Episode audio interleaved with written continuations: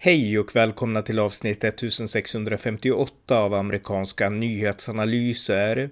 En konservativ podcast med mig, Ronny Berggren, som kan stödjas på swishnummer 070-30 28 95 0. Här följer en uppdatering om det senaste i USA tillsammans med min svensk-amerikanske kollega Björn Nordström. Varmt välkomna! Björn Nordström, välkommen! Tack så mycket. Vi ska uppdatera lite grann om det senaste i USA, så kör hårt. Ja, jag tänkte först, eh, det är väldigt stor lärarbrist här i delstaten Arizona. Jag la ut ett Facebook-inlägg på min, på min Facebook-sida igår att uh, skolor här rekryterar lärare runt om i andra länder så att, uh, och de hjälper till att fixa visum och naturligtvis jobb och allting. Så om det är någon som är intresserad, någon som är legitimerad lärare i Sverige med, med två års erfarenhet eller mer att undervisa i svenska skolor. Uh, kan lätt få jobb och arbetsvisum här i Arizona om de vill flytta hit och jobba och undervisa som lärare. Så jag vill bara nämna det här också. Finns det några andra lockbeten med att flytta just till Arizona? Ja, självklart. För att jag menar, många, Arizona, California, Florida är de tre uh, mest, vad ska man säga, de delstaterna dit folk flyttar mest till. New York är det Illinois uh, och California naturligtvis flyttar flest ifrån. Och det är för att det är utmärkta företags, för, ut, utmärkt företagsklimat. Uh, det är väl republikanskt konservativt. Men det är ändå ganska, vad ska man säga, det, det, det är ordning och reda. Jag, jag menar för svenska, liksom solvärme, liksom ja, herregud, golf. Det, den, för den som spelar golf så är Arizona det är faktiskt världens bästa golfställe under vinterhalvåret. Det finns inget bättre ställe i världen än Arizona att spela golf. Och det är en storstad, jag menar Phoenix, den som bor i en storstad, Phoenix är en av USAs absolut största städer. Påminner väldigt mycket om Los Angeles fast lite mindre. Men eh, och sen, det, det som är intressant här i alla fall, på vinterhalvåret, man kan bokstavligen spela en golfrunda på morgonen i shorts och t-shirt och sen kan man åka upp två och en halv timme upp i bergen och åka skidor på natt på kvällen på, på en och samma dag.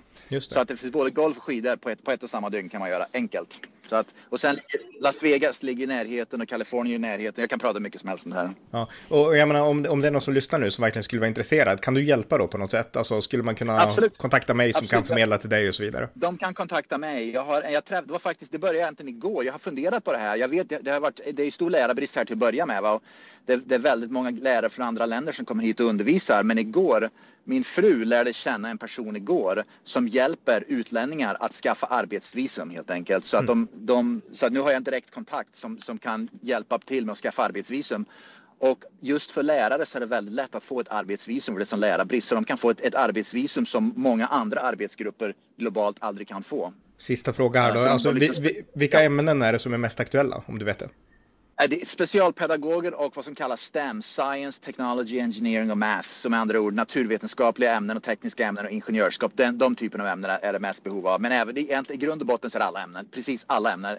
Många lärare kommer hit från Filippinerna. I Filippinerna så pratar de ju engelska som flytande i princip. Det är ett, engelska är ett, ett officiellt språk i Filippinerna. Många skolor här i Arizona anställer engelsklärare för att undervisa engelska på skolor från Filippinerna. Okej. Okay. ja, så, men... så stor är lärarbristen alltså. Jag förstår. Sista grejen då. Alltså, ni, ni som lyssnar, vill ni bli lärare i Arizona så kontakta Björn Nordström.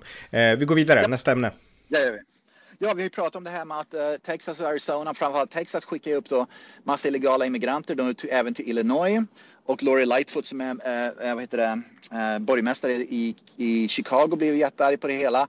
Hon hämnas nu genom att skicka vidare de där illegala, illegala immigranterna till republikanskt styrda städer i Illinois. Så hon bussar dem vidare bara till republikanska städer som i sin tur bussar tillbaks dem till Chicago.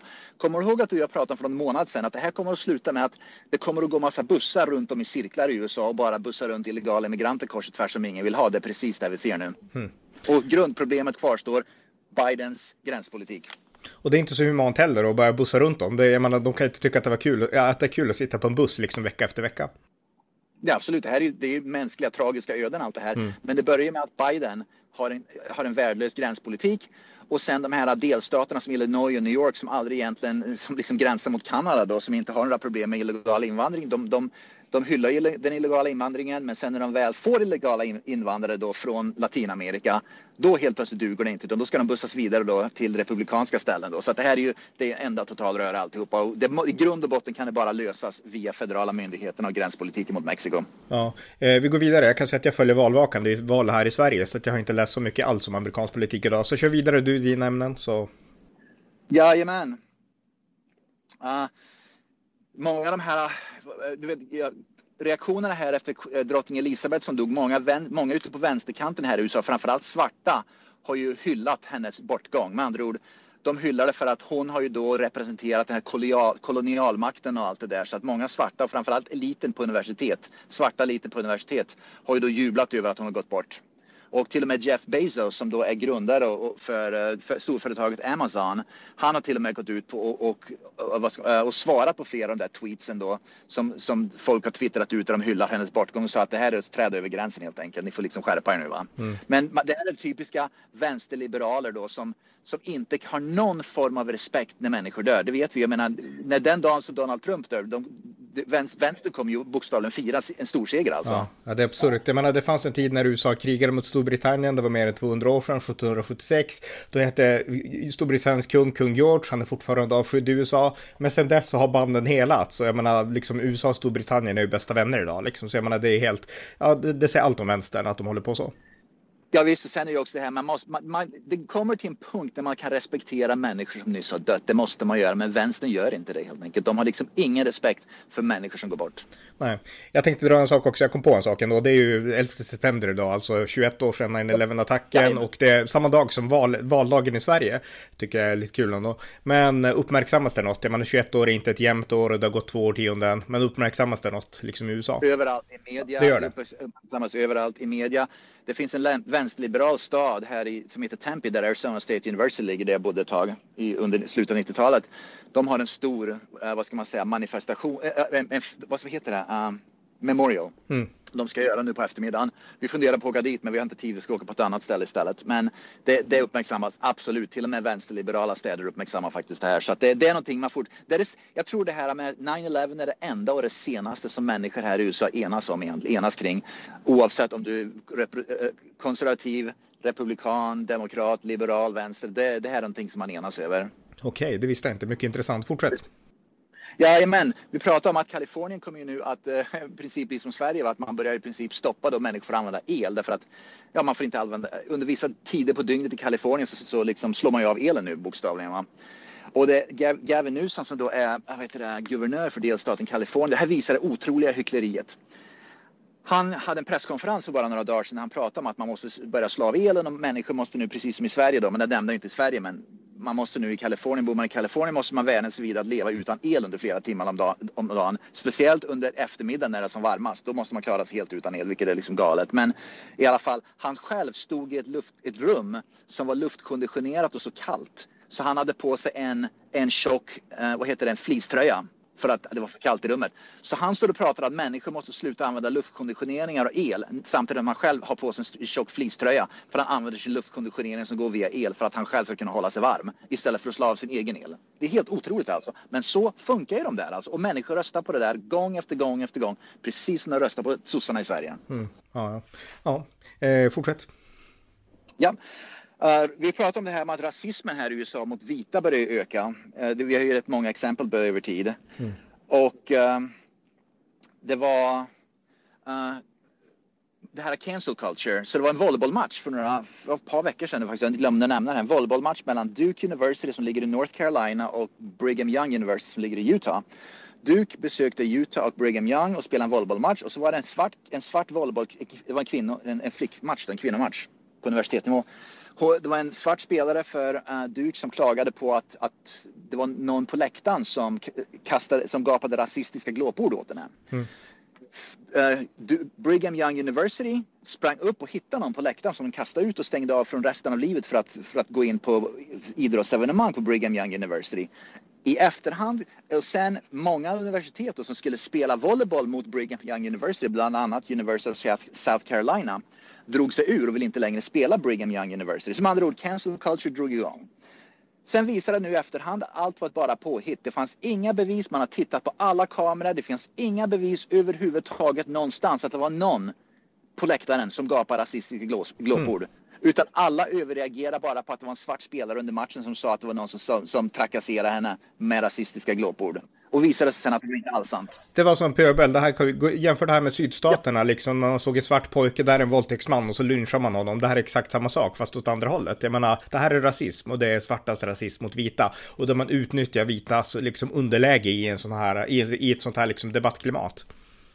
Ja, absolut, för det, det, alla vet ju hur det slutar. Mm. Det räcker att en enda svart person säger att den blir, uh, att den blir uh, utsatt för rasism utsatt för rasism, ja, då kommer den där personen, och så räcker det att de på liksom random då, liksom slumpmässigt bara pekar ut någon i ett publikhav någonstans och den personen kommer ju totalt att förstöra, livet kommer att förstöras för den personen. Va? Mm. Och det, det, det, det, är liksom så absurt att USA har blivit. Det här rättsstaten som bygger på principen att uh, man ska då liksom bevisa dig skyldig. Du är oskyldig tills du bevisas skyldig. Det har blivit precis tvärtom med, uh, med um, Ja. Med det här cancel culture-vänstern som pågår nu. Helt fruktansvärt. Ja. Eh, jag vet att du har bråttom, men kör, har du några fler ämnen eh, så kör, så kör de i den mån du har tid bara. Så.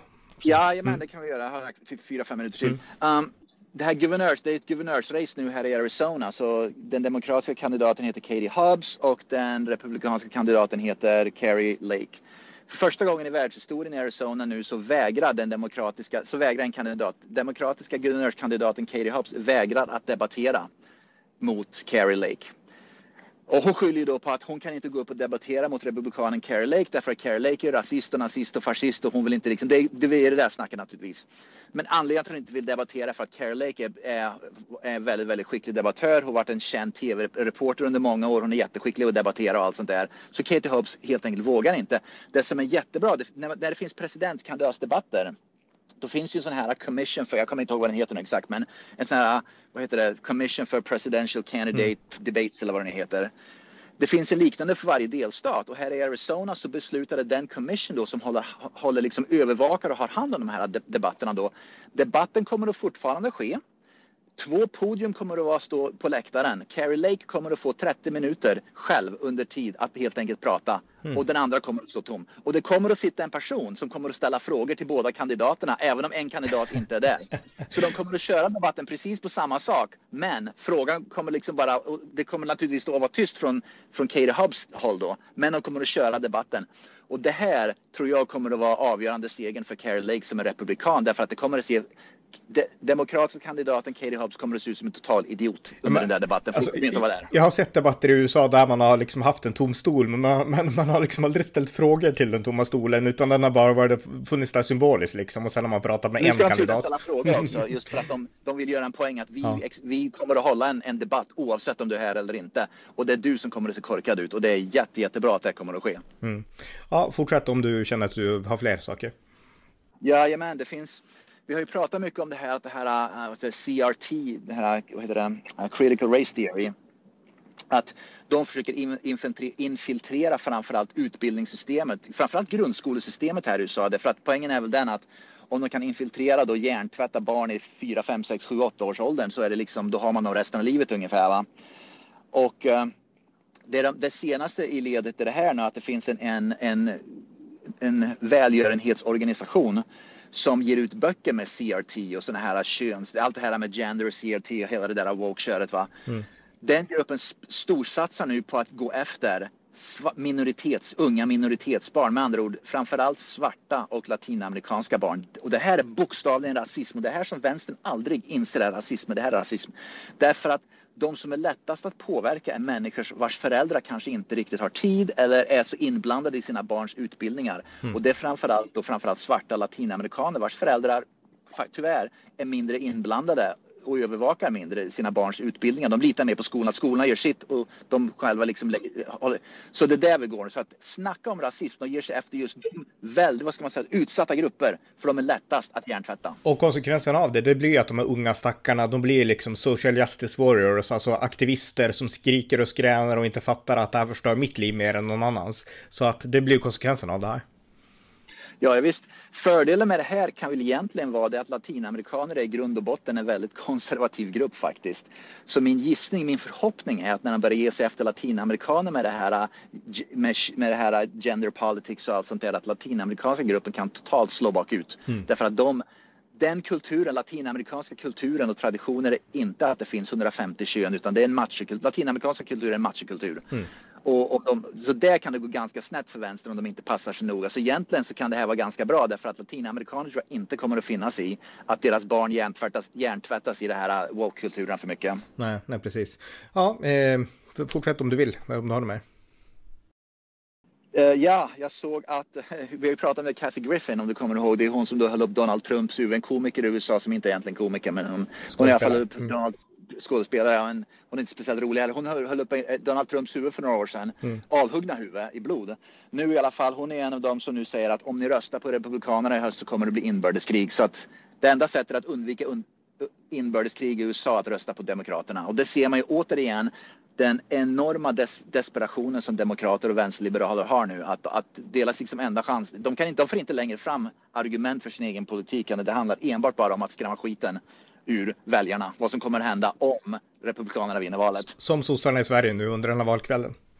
Ja, precis vi pratar om det, exakt. Mm. Mm. Ja, eh, ska ja. vi sätta punkt eller vill du dra något till ämne?